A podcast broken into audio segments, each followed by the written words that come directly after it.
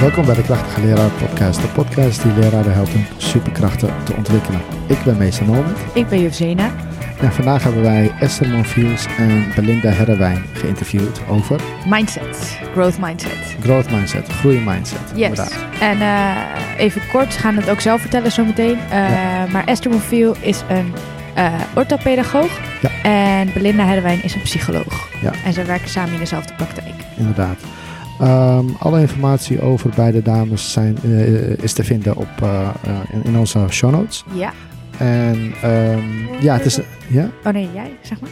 Ja, zeg jij het maar. Oh, ik dacht voordat we beginnen, Ja, misschien even leuk om te zeggen dat eh, ze een heel leuke eh, kortingsactie hebben. Ja. Daarover zometeen aan het eind van de aflevering meer. Ja. Hoe je aan die korting kan komen. Maar het, eh, het is in ieder geval echt een heel eh, toffe actie. Ehm, nou, veel plezier en tot straks. Ja, tot zo. Doeg.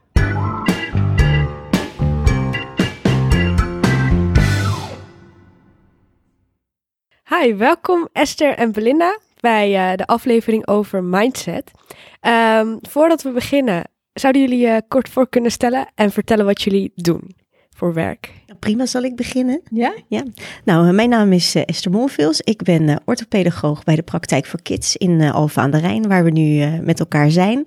Ik heb een onderwijsachtergrond. Ik ben ooit eerst juf geweest, tien jaar lang, op de basisschool. Ik heb eerst PABO gedaan. Ehm, en in mijn werk als orthopedagoog, maar ook als mijn werk als juf, heb ik heel veel kinderen gezien met een, met een mindset eh, problematiek of waarbij het anders zou kunnen gaan. Dus we, we ja, ik ben er eigenlijk altijd heel erg eh, enthousiast over. En eh, vandaar eh, dat ik het ook leuk vind dat jullie eh, meer willen horen vandaag. Leuk, dankjewel. Ik ben Belinda Ja. Herrewijn en ik ben eh, psycholoog bij de Praktijk voor Kids. En ook ik heb een eh, onderwijsachtergrond. Ik ben wiskundedocent geweest. Mhm. En ehm, ik ben leidinggevende op een eh, kleinere locatie van een eh, voortgezet onderwijsschool geweest. Daar kreeg ik eh, ook op een gegeven moment te maken met kinderen die wat minder gemotiveerd waren. En eh, in 2008 eh, kwam ik in aanraking met het eh, met mindset van eh, Carol Dweck. En daar heb ik eh, het een en het ander uitgehaald en ook toe kunnen passen bij ons op school. Mooi om te horen. Ja. Ja. Dat is namelijk gelijk onze volgende vraag. Eh, hoe zijn jullie in aanraking gekomen met eh, de grow- growth mindset van Carol Dweck? Nou, ik dus, na, aan de, eigenlijk bij ons op school waren er op een gegeven moment kinderen die wat minder gemotiveerd waren. Die gingen ook dwalen door de school. En ja, ik ben eigenlijk gaan zoeken van, ja, wat, wat, wat, zou nou een onderliggende reden kunnen zijn voor demotivatie? En ik ben eh, eigenlijk eh, op internet gaan zoeken en zo ben ik in contact gekomen met Carol Dweck en eh, met het boek Mindset en heb het gelijk gekocht eigenlijk. En voor mij is het eigenlijk een soort van hetzelfde verhaal. Eh, ook ehm, in mijn onderwijssetting viel het me op. Alleen had het voor mij nog niet zozeer het idee van... nou, ik heb het met een vaste mindset te maken. Maar je zag dan kinderen waarbij je dacht van... nou ja, wat Belinda ook aangaf, wat gebeurt hier nou eigenlijk? En in onze praktijk hier zien we dat ook. Wij hebben ook kinderen die zo vastzitten in bepaalde gedachten... dat ze eh, zichzelf daarmee eh, eigenlijk verliezen en belemmeren. Nou, regelmatig eh, hebben wij bijscholing en dan komt eigenlijk de theorie ook erbij. En dan zie je dat theorie en praktijk op een gegeven moment elkaar gaan raken. En dan zeggen wij, hey, dit is waar we het eigenlijk, wat we zien en wat we herkennen. En dat, dat is iets waar we dan graag eh, meer mee willen doen. Ja, En dat heeft er dan ook in geresulteerd dat wij nu eh, schoolteams begeleiden die hier meer over willen weten. Wij trainen schoolteams hiermee. Zodat zij hun kinderen van een fixed mindset naar een groeimindset kunnen krijgen, daar waar dat nodig is. oké. En jullie merkten ook, zeg maar, na het informeren, ja, na het informatie zoeken over deze materie, echt dat, dat, dat je verschil merkte bij jullie eigen leerlingen? Uh, nou, niet bij alle leerlingen, Nee. moet ik eerlijkheidshalve uh, wel uh, aangeven. Uh, bij ons was de mogelijkheid om uh, in een aantal leerlingen daarvan uh, daaruit te halen. Ja. En dat waren dan vooral de kinderen die ik daar uithaalde, die ook uh, faalangst hadden. Oké. Okay. Dus het uh, was vaak een combinatie uh, van uh, kinderen die eigenlijk slechter presteerden, gedemotiveerd waren, of slechter presteerden als dat je op papier zou verwachten van deze leerlingen. Ja. Uh, faalangsten tekenen lieten zien of signalen lieten zien. En daarbij ook uh, ja, een, bepaalde mate van uh, gedemotiveerd waren geworden. Dus was die combinatie. Ja. Die kinderen heb ik eruit uh, mogen halen. En daar in kleine groepjes. En heb ik eigenlijk een beetje hetzelfde gedaan. Wat zij in haar boek heeft aangegeven. Ik weet niet of dat jullie in de gelegenheid ooit zijn geweest om dat boek te lezen. Maar dan gaat het juist. Zij geeft op een gegeven moment ook een training aan kinderen in twee varianten. En ik heb dan eigenlijk de varianten gekozen die dus uh, wel uh, een, een verbetering lieten zien. En dat was inderdaad het geval. Oké, okay. ja, mooi om te Dat was zeker heel erg leuk om te doen. Ja. En ook uh, fijn voor die kinderen om dat te ervaren. Zeker. Ja. En ik vul Belinda graag ook even aan. Hè, want hè, Belinda heeft dan de ervaring in het voortgezet onderwijs. En ik dan voornamelijk in het basisonderwijs. Maar je ziet al dat jonge kinderen heel erg ontvankelijk zijn voor die boodschap. En daar waar het soms bij de wat oudere kinderen wat lastiger is, omdat die al heel lang in zo'n stramien, in zo'n patroon zitten, ja. zie je dat als je bij jonge kinderen hier al over vertelt, dat zij dat gaan oppikken. En als je leerkrachten hierover vertelt, dat zij denken van jeetje, er zijn gewoon dingen die ik doe, die um, leiden tot een fixed gedachte, daar waar eigenlijk een groeigedachte uh, beter is om te hebben. Mm. Ik geef ook altijd als voorbeeld aan leerkrachten als ik met ze praat van, goh, jullie vinden het ook altijd zo belangrijk om uh, uh, die kind, dat kinderen goed scoren. Hè? Je bent heel blij met je kinderen die negens en tien halen en die aatjes op de CITO. Maar eigenlijk zijn dat de kinderen die dingen al beheersen. Zij leren op dat moment niet. Dat, ze moeten een niveautje hoger. Uh, die kinderen die dus eigenlijk zesjes en zeventjes halen, zijn eigenlijk de kinderen die jij op niveau hebt, hè, waar, waarbij je die zone van naaste ontwikkeling aanraakt en waarbij er leren tot stand komt. En als je dat tegen leerkrachten zegt, dan merk je vaak dat ze een soort van aha-erlevenis hebben en zeggen van jeetje, ja, dus dat beoordelen. Ik, ik ben gewoon zo blij met die kinderen in, die boven, in dat bovensegment, maar eigenlijk schiet ik daar dus tekort, want zij kunnen meer leren. En die kinderen waar ik denk van jeetje, ik moet nog blijven, blijven, blijven trekken. Mm-hmm die um, uh, leren op dit moment. Zij gaan um, door het feit dat ze moeite hebben, leren doorzetten, nieuwe strategieën leren, komt er ontwikkeling tot stand. Ja. Dus het is eigenlijk heel belangrijk dat mensen hun ogen daarin geopend worden, want soms, zie, ja, dan heb je een ander beeld daarvoor. Nou, ik denk dat een stukje bewustwording ja. hiervoor, dat dat al 90% is, ja. is mijn optiek van, van hoe uh, je dit om kan gaan draaien. Mm -hmm. en kijk, in sommige gevallen is een fixed gedachte best wel heel uh, uh, goed, maar in, over het algemeen kom je verder als je een groeigedachte hebt. Ja. Nou, dan de volgende vraag. Um, we hebben het al een paar keer gehoord, een groei en een fixed gedachte. Mm -hmm. En wat houdt precies een, een groeimindset in? Um, nou, kinderen die een groeimindset hebben, die omarmen eigenlijk problemen. Die zijn niet uh, die zien dingen niet als faalervaring, maar juist als leerervaring. En uh, ze geloven um, dat je nieuwe vaardigheden, vaardigheden ontwikkelt als je oefent en als je doet. En daarbij laten ze ook zien dat ze het heel erg fijn voor anderen vinden als, als die succes hebben. En dat is bijvoorbeeld tegenovergestelde met fixed mindset mensen die um, dat wat minder prettig vinden, omdat ze dan het gevoel hebben dat ze dat weer moeten overtroeven of dat ze beter moeten zijn. Um, en groeimindset mensen die daarbij is de inzet heel erg belangrijk. Omdat zij uh, dan zien van goh, als ik oefen en ik ga door en ook al is het moeilijk, dan kan ik wel iets leren. En dat is met name wat dan die groeimindset mensen, ja kinderen, onderscheidt van mensen met een fixed mindset. Ja. Want die vermijden conflicten meer. Oké. Okay. En, en vermijden vaak ook falen. Ja. Door dan bepaalde uitdagingen niet aan te Om, gaan. Ja, okay. en dat is ook uh, wat, je, uh, wat, wat hier in, in, deze praktijk, wat je vaak uh, probeert ook aan ouders bewust te maken. Dat falen ook heel erg belangrijk is om dat je leert aan je kinderen daarna weer op te staan en toch weer door te gaan zetten. En daar dus die inspanningen op te verrichten. Ja. ja. Wij hebben laatst bijvoorbeeld een, um, een plusklasseavond uh, uh, gepresenteerd voor kinderen die in de plusklas gingen. En daarbij um, zeiden ook ouders van ja, maar ik wil heel graag dat mijn kinderen succeservaringen heeft. Ja. Ja, en daar zijn we in het onderwijs ook heel erg mee bezig om kinderen succes te he laten hebben. Maar we moeten ze ook faalervaringen geven, is de gedachte. Want daar leer je ook heel erg van. Op het moment dat je de omgeving continu zo inricht dat alles alleen maar goed kan gaan, geef je het kind ook het gevoel dat alles wat ik doe gaat goed. En als het dan een keer misgaat in het leven, dan schrikken ze daar heel erg van. Ja.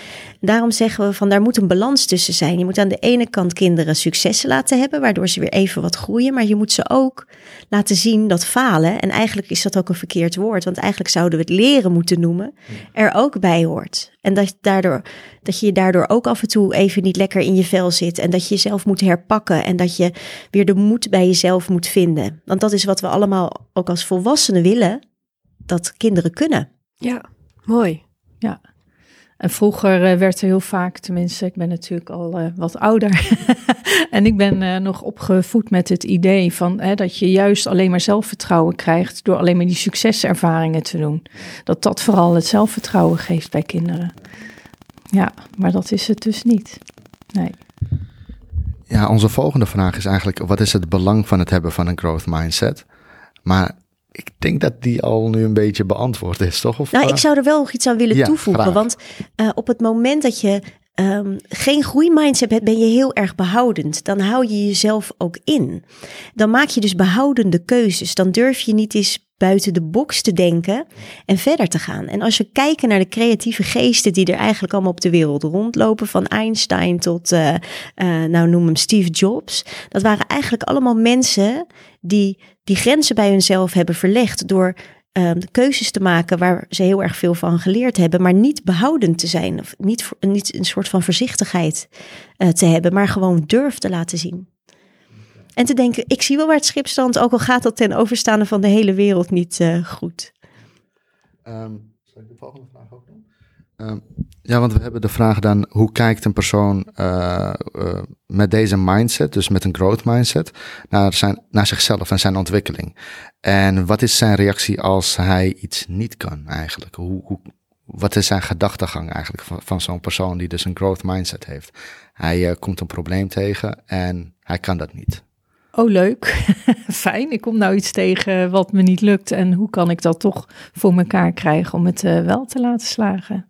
Of hier wel een oplossing voor te vinden. Dus vaak worden ze er juist heel erg enthousiast eh, door. Ja, En daar hoort dan ook die insteek bij van, eh, oké, ik heb een probleem.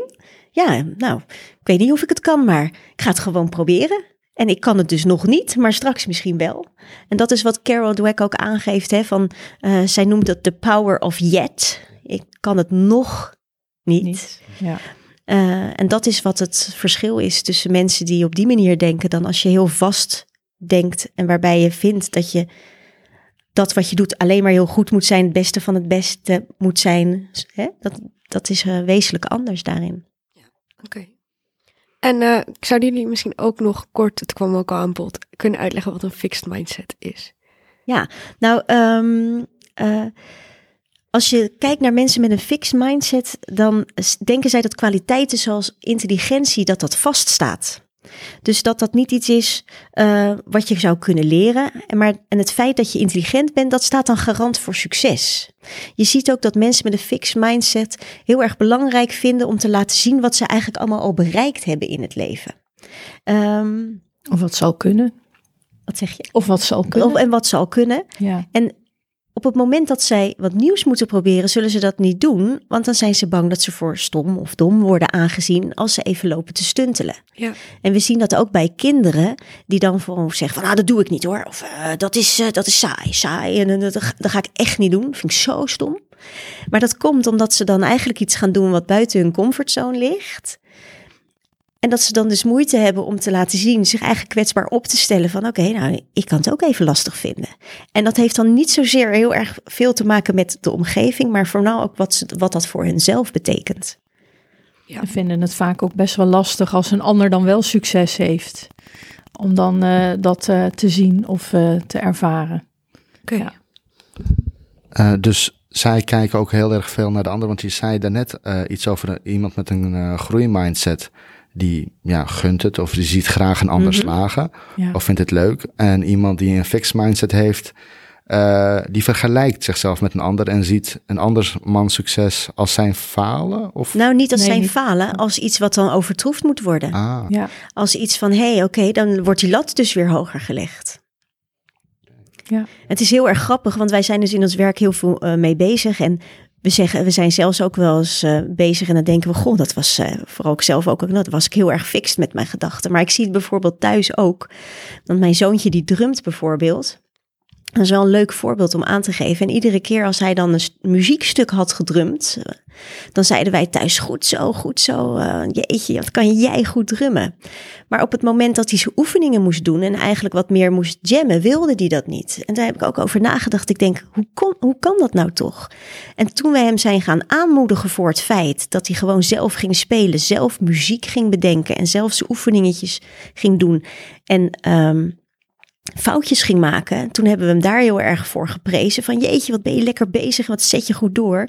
En toen wilde hij opeens wel veel meer gaan oefenen. Waardoor hij uiteindelijk zijn vaardigheden nog meer verbeterd heeft. Dus daar zie je dan een shift van, hé, hey, wat kan je als volwassene doen? En in dit geval mij in mijn moederrol, maar het zou net zo goed een leerkracht kunnen zijn van, hé, hey, die fixed mindset, hoe maken we daar nou meer een groeigedachte van, zodat je jezelf niet belemmert? Ehm, op welke manier dragen leraren bij aan het hebben van een fixed mindset van hun leerlingen? Nou, ehm, vaak wordt er uh, op een school uh, wordt er een, een, een, uh, gekeken naar het resultaat. En daar wordt vaak een oordeel over gegeven. Ja. En eigenlijk zou, nou ja, wat er uit, bij, uit het onderzoek blijkt dat Carol, Carol Dweck heeft gedaan, blijkt dat je niet zozeer op het resultaat uh, vooral moet gaan zitten, maar vooral op, op het proces uh, feedback moet gaan geven. Ja, en dat, dat, dat onderzoek wat Belinda aan had, daarbij heeft zij natuurlijk gekeken wat het effect is van prijzen van kinderen. En daarvoor heeft zij twee groepen uh, kinderen ingedeeld.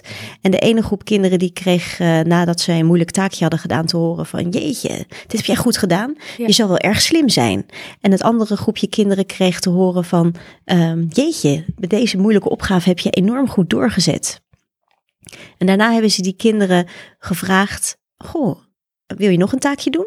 Ik heb een een makkelijk taakje voor je. Daar zal je het goed op doen, net als de vorige. Of wil je een moeilijk taakje doen? Ja. En toen viel op dat kinderen die geprezen werden voor hun slimheid en hun intelligentie, een makkelijkere kozen. Want ze wilden graag kunnen blijven voldoen aan het compliment dat ze van de leerkracht hadden gekregen. Of in dit geval dan de onderzoeker. Ja. En um, die kinderen die geprezen werden voor hun inzet, die durfden daardoor een moeilijker werkje te kiezen. En dat is ook iets wat leerkrachten eigenlijk heel, heel veel doen. Wij zeggen als Nederlandse leerkrachten, leraren heel vaak goed zo. Als kinderen hun werk hebben ingeleverd, goed zo. Ja. Als kinderen iets hebben gedaan, goed zo. En goed zo leidt eigenlijk tot een behoudende keuze. Want met goed zo wordt een norm uh, gesteld. Ja. Ja. En daar ga je aan voldoen. Om een voorbeeld te geven, wij hebben een jongen gehad in onze praktijk. Hij zat geloof ik in VWO 4 en ging toen vastlopen. En toen gingen we ook met hem vragen van, goh, wat is er nou, wat, wat, hoe gaat het nou? Waarom worden je cijfers minder? Hoe komt dat nou? Ja, zegt hij, ja, ja weet je, ik leer gewoon. En ja, dat was, uh, dat was eigenlijk uh, altijd goed. En hij kreeg ook altijd complimenten voor, uh, voor hoe hij leerde, want hij haalde hele hoge cijfers. En toen gingen wij eigenlijk vragen van, goh, maar hoe leer je dan? Ja, ik leer me, ik loop mijn leerstoffen, loop ik eventjes door en dan kijk ik even tien minuten naar. Ja, sommige dingen snap ik dan niet. En uh, dan ga ik die toets maken. Ja. Dus hij had eigenlijk altijd door het compliment goed zo gedacht dat de manier van leren voor hem goed was. Maar in, van een VWO 4 ging die vlieger niet meer op, want er werd veel meer inzicht gevraagd en verbanden. En toen moesten wij hem gaan leren werken met mindmaps en gewoon veel meer leren, studerend uh, leren eigenlijk. Dat is ook inderdaad uh, wat, uh, wat uit het onderzoek blijkt, dat mensen met een fixed mindset, die hebben op een gegeven moment, hè, die denken dat ook met minder inspanning, dat ze dan dat resultaat kunnen halen. En dat was bijvoorbeeld deze jongen, die moest dus ook leren dat door meer inspanning te verlenen, dat dat niet betekende dat je dan dommer zou zijn, maar dat uh, meer inspanning dus uh, tot een beter resultaat uh, gaat leiden. In ieder geval dat je dus door leren, beter leren, dat je dan toch ook dat effect kan krijgen. Ja. Oké, okay, dus um, voor, vooral het prijzen eigenlijk, want dat is de manier waarop je een leerling prijst, dat is heel erg belangrijk. Ja. En, uh, nou weet Naast ik, het geven, ja. denk ik, van constructieve feedback. Ja. Ja. Want we moeten niet vergeten, de, hè, als we alleen maar kinderen blijven prijzen, dan zijn we ook verkeerd bezig. We moeten ze ook wel kunnen aanspreken Ja. van hé, hey, oké, okay, hier is, is nog wat leren te behalen. Want je, je bent er nog niet. Oh, nou, want daar, daar, uh, daar komen nog wat andere vragen over. Over uh, de mythes die zijn ontstaan rondom uh, het werk van Carol Dweck. Um, maar even kort voor docenten. geven jullie ook een training? Um, waar, waar docenten dus zich aan kunnen melden om, om ja, ja, dat is wel leuk om te vertellen. Wij hebben een cursus die heet Op weg eh, naar een eh, groei, groeimindset in de klas. Ja. Um, scholen kunnen ons daarvoor inhuren. Het is een driedeurige uh, training, workshop-achtig, beetje interactief, zo moet je het zien. Um, waarbij wij op school ze vertellen over dit gedachtegoed, maar ook hoe ze hun handelen nou kunnen switchen. Uh, dat er een shift ontstaat van, hey, dat wat ik nu doe, hoe kan ik dat meer richten op een groeimindset? En die bieden we aan voor zowel leraren in het basisonderwijs als voor uh, middelbare scholen. Oh, dan willen we even heel graag weten, waar kunnen docenten dat vinden? Nou, op onze website www.de voor kids. En daar kun je in het menu trainingen kun je deze training vinden. Oké, uh, we zullen ook gewoon uh, links en uh, alles zullen we in de show notes vermelden voor docenten die nu onderweg fietsen naar huis. en er is ook nog een ja, kortings. En we hebben zelfs nog een leuke aanbieding. Ja. Want aan het einde van deze podcast zullen wij een kortingscode noemen. En als deze kortingscode gebruikt wordt bij het boeken van deze training, dan kunnen luisteraars en de teams, schoolteams, kunnen 10% korting krijgen. Oké, dat uh, gaan we. Afluisteren dus. Toch? Ja. Inderdaad, tot het einde. Ja. Het laatste seconde. uh, gaan we gewoon lekker verder. Ja. Ehm, oh ja, dat ben ik. sorry hoor. nou, dat geeft helemaal niks. Uh, want ik zat, ik zat meer met hoe zal ik dit nou, uh, dit knip ja. ik er allemaal uit. Hoor. Ja. Uh, Oké, okay. komen we bij de volgende vraag. Op welke manier, nee, dat heb ik al, sorry. Uh, ja, dan komen we bij de volgende vraag. Op welke manier kunnen leraren bijdragen aan het veranderen uh, van uh, de mindset van kinderen? We hebben al gehoord dus dat ze moeten opletten hoe ze de leerlingen prijzen. Maar mhm. zijn er ook nog andere dingen waar ze rekening mee moeten houden? Nou, ik denk dat het vooral, en dat hebben we ook al aangegeven, dat het eerst een bewustzijn is. En wat wij kijk, uh, kennis is in die zin, is in die zin macht. En um, ik denk dat het goed is om hier meer over te weten. En of je nou iemand bent die graag zich in boeken verdiept of uh, via boeken wijzer maakt of iemand die het fijn vindt om filmpjes op YouTube te kijken. Er is echt heel veel te vinden in zowel boeken als, um, als op YouTube. En ik denk dat het goed is om daar eens naar te kijken. En um, op die manier eerst eens wat meer kennis te vergaren. Want op het moment dat je dat doet, kun je ook gewoon eens naar je eigen handelen kijken. En eigenlijk creëer je dan bij jezelf ook een beetje een goede mindset. Want dan ben je dus al op weg om een beetje beter uh, daarin uh, te ontwikkelen. Het is wel, ik ben ook benieuwd, want stel inderdaad, je hebt zelf als docent een bepaalde mindset. Mm -hmm. Zou dat ook uh, doorschemeren in de les die je geeft? En heeft het ook impact op hoe de kinderen dan inderdaad uh, gaan niet overnemen? Ja, zeker. Want modeling is sowieso altijd nog een hele grote leertool hè, waar, ja. waar kinderen van leren. Dus um, kinderen doen niet wat je zegt, nee. kinderen doen wat jij doet. Ja. Dat, dat, zeggen wij altijd. Um, dus ja, dat gaan ze overnemen. En als jij heel stringent bent in dit is goed en dat is niet goed. en je prijst de kinderen die negens en tienen hebben. Ja. dan geef je eigenlijk een verkeerde boodschap af, vinden wij. Oké, okay, dus inderdaad, die bewustwording zal helpen bij het herkennen ja. bij de kinderen, maar ook misschien bij jezelf. Uh, en hoe je zelf handelt, inderdaad. Ja, zeker. Okay. Nou, zoals uh, net al genoemd werd, er zijn een aantal mythes mm -hmm. uh, over ja, de theorie over mindset in de omgang. En we hadden er een paar op een rijtje gezet. En we wilden jullie vragen of jullie deze misschien kunnen uh, ontkrachten en uitleggen wat voor gevolgen deze mythes hebben in de praktijk. Um, nou, de eerste is: de growth mindset is zwart-wit. Je hebt het of je hebt het niet. Nou, dat is wel heel fixed gedacht natuurlijk, hè? Ja. Dat is onze reactie daarop. Want iedereen wisselt tussen die mindset. En in sommige gevallen is het ook gewoon heel goed om gewoon vast te houden aan de dingen die je hebt. Hè? Je, je weet van jezelf ook best wel dat sommige dingen uh, lastig zijn. Ja. Um, maar wat, wat uh, het idee dat je het kan uitbannen, is eigenlijk ook heel fix gedacht. Want dat kan ook niet. En dat zou, het heeft geen groei, het mindset als je denkt van, goh, we gaan er even voor zorgen dat er straks geen fixende denkers meer zijn. En dat is, want dat blijft ook. Mensen zijn ook wie ze zijn. En dat komt ook door hun omgeving, hun opvoeding en hoe zij in het leven staan. Het enige wat, wat we gewoon moeten beseffen is dat we kinderen moeten leren meegeven dat zij soms dingen net iets anders kunnen zien. En dat, dat het glas niet half leeg is, maar half vol, zeg maar. In meer in een soort van optimistische kijk. Ja, oké. Dus eigenlijk zou je ook een, uh, een iemand met een vooral fixed gedachte elementen kunnen meegeven van een growth gedachte, maar het niet per se helemaal hoeven ja, te nou ja, je bent, ja, want we zijn allebei, we zijn allemaal fixed en growth soms. Ja, hè? Um, ik gaf net zelf ook al aan in mijn eigen voorbeeld. Af en toe denk ik ook van, hé, hey, ik zie dit gebeuren en dat is ook niet handig. Dat doe ik dan als moeder. Maar wij zijn, zien ook in ons werk dat we wel eens dingen zeggen van, hé, hey, dat moeten we eigenlijk op een andere manier doen. En eigenlijk is die zelfreflectie.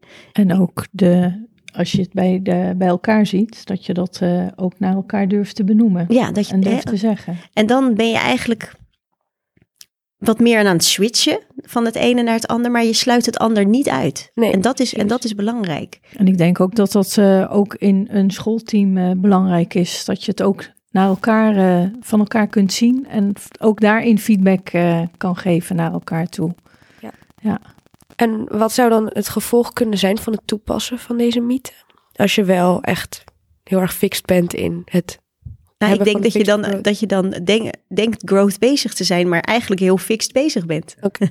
Ja, eigenlijk, hè? Dus tegenovergestelde van ja, wat je wil bereiken. Eigenlijk ja. tegenovergestelde van wat je wil bereiken. Ja. Want bij een groeimindset hoort namelijk ook gewoon wel dat je de dingen accepteert ook zoals ze zijn. En dat je mensen accepteert zoals ze zijn. Hè? Dus dat is, dat is wel belangrijk. Ja. Komen we bij de volgende mythe. Uh, bij een growth mindset gaat het alleen om je inzet. Nou ja, dat is ook niet waar. Want ik gaf ook net al aan, het gaat ook om dat je leert uh, omgaan met uh, opbouwende kritiek. Als alleen maar continu je inzet wordt geprezen, um, leer je geen nieuwe dingen als iemand die reflecterende dingen niet kan aangeven aan jou. Die zijn nodig om weer een stapje verder te komen. Dus het is niet alleen maar inzet uh, wat je hebt. Nee. Er zijn veel meer uh, aspecten in, een, in iets wat je doet. En dat kan bijvoorbeeld uh, plannen zijn, dat kan flexibiliteit zijn. Hè, dat kunnen heel veel aspecten zijn die ook met, met, met doen en leren te maken hebben. En je doorzettingsvermogen. En je doorzettingsvermogen ja. en je aandacht. En, ja. ja. Maar ah, bijvoorbeeld als een, ehm, we hebben een leerling en die ehm, die zet zich in en uh, we gebruiken de growth mindset en we prijzen hem voor uh, zijn, uh, zijn inzet. Mm -hmm. Maar hij faalt steeds, hij loopt telkens vast. is, is, is dat dan genoeg? Is dat het enige wat. Als die inzet een, een, een, resultaat is van hard doorzetten, ervoor willen gaan, dan. Um, dan denk ik dat je dat kan prijzen. Ja. Want je hebt hier hard voor gewerkt. Maar ook aan inzet is er, zijn er verschillende gradaties. En ik denk ook dat je daar opbouwend in moet kunnen zijn. Want die jongen, die, net, die we net als voorbeeld gaven, die zijn inzet was 10 minuten doorlezen. En, en hij, hem werd verteld dat het goed was. Als hij daar op, opbouwendere kritiek op had gehad, dan was zijn inzet veranderd. Van een inzet die wij, zeg maar, goed tussen aanhalingstekens vinden. Maar in ieder geval die meer leren tot stand brengt. En daarin zit hem, zeg maar, de nuance. En als je dan hebt over hè, de, de inzet is goed, maar dan ga je ook wel kijken van wat zorgt ervoor dat hij toch faalt. En daar kan je hem bij helpen en op een, op een goede manier eh, dan te kijken van waar, waar zit het hem in dat diegene faalt en dat dan wel te benoemen. Oké. Hoe die dat anders zou kunnen doen. Ja, ja, ja. dus uh, hij blijft uh, niet uh, dezelfde middelen gebruiken, maar gaat ook andere middelen gebruiken. Ja, ja. ja. Nou, dan de laatste. Die heeft er een beetje mee te maken. Prijs iedereen's inzet, ongeacht het resultaat. Ja, als het zo zwart-wit zou zijn, zou een product natuurlijk ook nooit belangrijk zijn. En een product kan, als je dat goed neerzet, altijd ook een, een resultaat van een proces zijn. Hè? Een uiting van het proces. Ja. En ik denk dat er gewoon heel goed gekeken moet worden naar de mate en vorm van de inzet. Um, in plaats van een beoordeling van een product.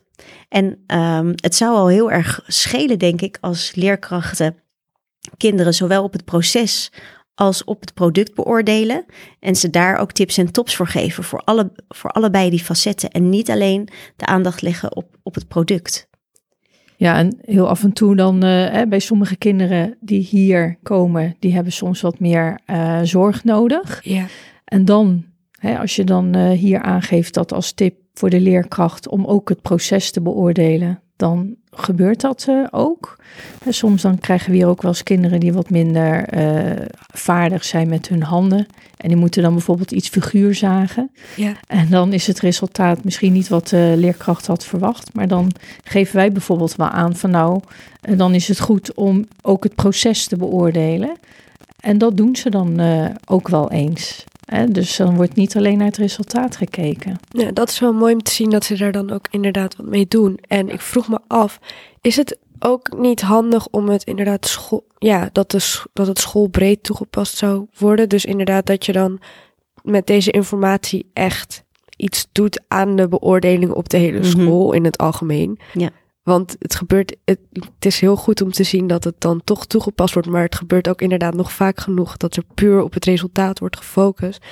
En ik denk, ja, ik weet niet, dat het dan meer effect heeft als het schoolbreed ingezet wordt, zou worden. Ja, dat zou sowieso uh, uh, een voorwaarde zijn, denk Ja. ik, als je hiermee wat wil doen. Ook uh, omdat het anders valt of staat met de leerkracht die voor de klas staat. Ja. Want de een doet het dan zus en de ander die doet het dan zo. En dat is denk ik sowieso uh, niet goed. Nee. Maar je kan in de basis al gewoon hele kleine dingen afspreken met elkaar. Want je hoeft niet gelijk het hele roer om te gooien. Maar in de zin van: oké, okay, we gaan een cijfer hanteren voor ook, waarbij ook die inzet of die, dat proces uh, duidelijk wordt. Uh, en we hanteren bijvoorbeeld, net als Carol Dweck ook aangeeft, en zij was een keer bij een school die, waarbij je het cijfer not yet kon halen. Dus nog niet. Beheers dit nog niet. Maar dat nog niet gaf, geeft wel aan dat we geloven dat je het nog wel kan leren. Op het moment dat je zegt, dit kun jij niet, Ja. doe je een deur dicht. Ja. En dat zijn al hele kleine dingen waarbij je kinderen uh, kunt helpen. Je hebt ook bijvoorbeeld de leerkuil. Hè, die wordt, uh, hij hangt toevallig achter jullie. Onze luisteraars uh, zien dit niet. Maar die geeft ook het proces van leren aan. Hè, waar je doorheen moet gaan. En door zulke visuals te gebruiken. Wij hebben hier nu hangen van Basalt. Maar platform Mindset heeft ook zo'n leerkuil. Ja. Kun je kinderen ook laten zien van oké, okay, hier zit jij. We zijn er bijna. Kom op, ga even door. En dat zijn eigenlijk een beetje wat coachende dingen die heel weinig uh, van de leerkracht vragen, maar die heel veel kunnen betekenen. Mooi, ja. Ja, ik vind die leerkuil, uh, die ziet er echt heel erg ja. leuk uit. Die wil ik eigenlijk uh, ook in mijn klaslokaal als ik ja. hem zo zie. we zullen ook gewoon even linkjes daarvoor in de show notes ja. zetten. En dan komen we bij onze laatste vraag. Um, waar kunnen leraren het beste beginnen met het toepassen van de growth mindset in de klas? Nou, sowieso hebben, kunnen jullie uh, scholen uh, een training geven, schoolbreed, mm -hmm. dus een uh, hele team. Dus als leraren daar sowieso in geïnteresseerd zijn, uh, stel dit voor bij teamleider of directeur. Maar als leerkracht zelf, hoe, waar kunnen zij, waar kan ik zeg maar het beste nu beginnen? In ieder geval te kijken hoe je leerlingen prijst. Dus niet alleen op het resultaat, maar bijvoorbeeld ook op het proces. En uh, ja, ik persoonlijk vind uh, ook uh, op andere aspecten van het proces niet alleen maar van oh, dat heb je goed gedaan of wat heb je hard gewerkt. Maar voor de ene kind kan dat bijvoorbeeld zijn dat hij meer moeite heeft uh, om te starten met een opdracht. Hè. Sommige kinderen die hebben daar wat meer moeite mee. En dat je dan bijvoorbeeld zegt van nou, het is je goed gelukt om nu uh, te starten. Je had je spulletjes uh, op tafel en je begon gewoon gelijk goed op de goede bladzijde. Ik noem maar even iets. Hè. Dus dat je gewoon ook naar dat soort aspecten kijkt voor kinderen. En wat ook heel belangrijk is, is dat je af en toe ook een kind leert falen en dan weer door die leerkuil op te staan en toch weer het uh, succes te ervaren. Ja. En Carol Dweck die zegt, en dat zegt ze dan zo mooi, celebrate trying. en eigenlijk is dat het. Daar, wij willen graag dat kinderen het gelijk dingen goed doen. Maar laat ze ook gewoon zelf eens wat regelen op school. En laat het dan ook gewoon in de soep lopen. Hè? En lach daar met elkaar om. Um, het is heel erg grappig, want er ligt hier ook een, eh, een boek naast me. En misschien is dat ook wat voor in de show notes om aan te geven. Dat is wel voor de basisschool, maar dat boek heet Het meisje dat uh, nooit fouten maakte. Uitgegeven door Bijzalt. Wij mochten daar een aanbeveling uh, voor schrijven. Maar dat gaat ook over een meisje die nooit fouten maakte. Zo stond ze ook bekend. Niemand kende haar als Isabella, want zo heette ze eigenlijk. Heet ze eigenlijk. En um, op een gegeven moment gaat er iets fout. En, dan kan, en op het moment dat het fout gaat, zie je de twijfeling op haar gezicht. En uiteindelijk moet ze heel hard lachen. En uh, vanaf die dag gaan er een heleboel dingen fout. En ze heeft onwijs veel los, ze is niet meer zo serieus. En hier zie je dan ook die shift in. Zeker voor uh, leerkrachten in de basisschool. Als je zegt op je vraag van wat kunnen ze nou doen? Hoe kunnen ze het beste beginnen? Begin eens met zo'n boek. Dat spreekt kinderen heel erg aan. Ja. En um, je, je zet gelijk ook neer van wat je graag wil duidelijk maken aan kinderen. En vervolgens pak je net als was we dat we net al aangaven, steeds meer kleine dingetjes op. Het zit hem in die nuances. Um, en het vraagt denk ik niet heel veel van je organisatorische vaardigheden als leerkracht. Je hoeft er weer niet heel veel voor te, anders voor om te gooien. Het, het, is, het zijn eigenlijk wat meer, denk ik, coachende um, ja, dingen die je tegen kinderen zegt en doet. Oké, okay, mooie tips. Ja. ja. Ik weet niet of dat uh, bij jou op school ook uh, groepjes, uh, faalangst, aan in kleinere groepjes kinderen faalangsttraining wordt gegeven? Um, nou ja, we hebben wel leerlingen met faalangst, maar ja. ik, zit, ik werk op een zorgschool. ja. Dus daar, daar halen we dan altijd externe hulp voor, voor, voor in. Ja. En dan proberen we daar altijd inderdaad ja, dan krijgen zij er een, een, een specialist op uh, ja. die, die, hen uh, probeert te helpen. Want, want uh, als het gaat over de start vaak van zo'n training voor kinderen met faalangst, dan ga ik altijd wel uitleggen hoe het brein werkt. Ah. En nou, ik gebruik dan toevallig ook van de uitgever Basalt je fantastische elastische brein. Ja. En een van de conclusies die uiteindelijk in het boek ook wordt getrokken, ik laat het ondertussen nu ook zien, is dat, hè, dat je hersenen het eigenlijk ook nodig hebben om fouten te maken. Ja. Hè, dat helpt bij het leren. Dus als die kinderen uiteindelijk zelf tot zo'n conclusie ook komen en zien van hé, hey, maar fouten maken, dat helpt juist mijn hersenen om toch te leren. Ja. Dat is vaak al een mooie start voor een faalangsttraining. Ja. Ja. ja. Dat ze weten dat het een uh, onderdeel is van het proces. Ja. Ja. ja. ja. Nou ja, dat je dat dus ook nodig hebt. Ja.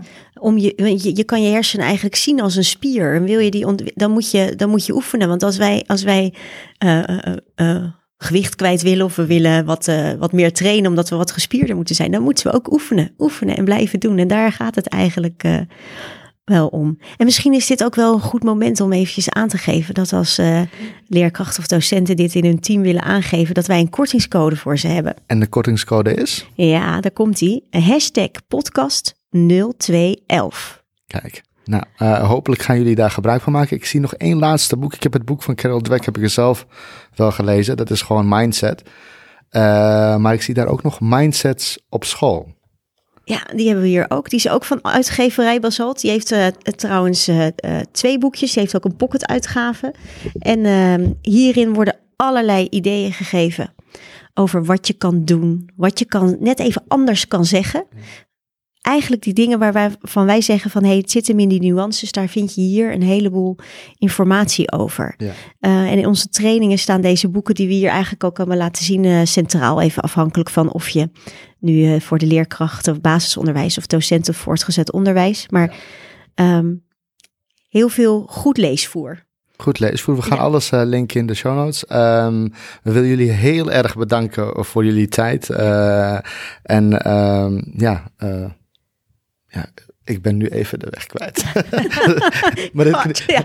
maar, dit knippen we er ja. gewoon uit. Of dit laten we er gewoon in, want fouten moet je maken. Ja, ja, ja dan moet je... moet je het zeggen. Ik wou zeggen, dit is juist heel mooi. Ja, die moet je er juist in laten. Deze laat ik er gewoon in. In ieder geval, ja, echt heel erg bedankt voor jullie tijd en uh, gastvrijheid uh, om uh, ons al dit moois ja, te presenteren. Hey, jullie heel hartelijk bedankt. Ja, jullie bedankt. Ja. Heel erg leuk, vond ik het. Ja, ja. zeker weten. Oké, okay. doei doeg. Doeg.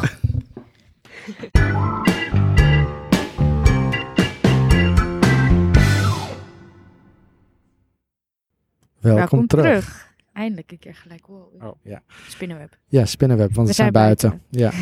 Eh, we nemen de outro even buiten op, omdat het zulk mooi weer is. Ja. In de herfst. Nou Mo, wat vond je ervan? Geweldig.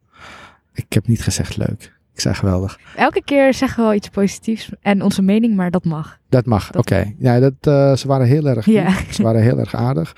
En ze waren ook, eh, ze, gaven, ze, ze hebben het heel goed uitgelegd. Ja. Ehm, nou, wa- wat is jou het meeste bijgebleven?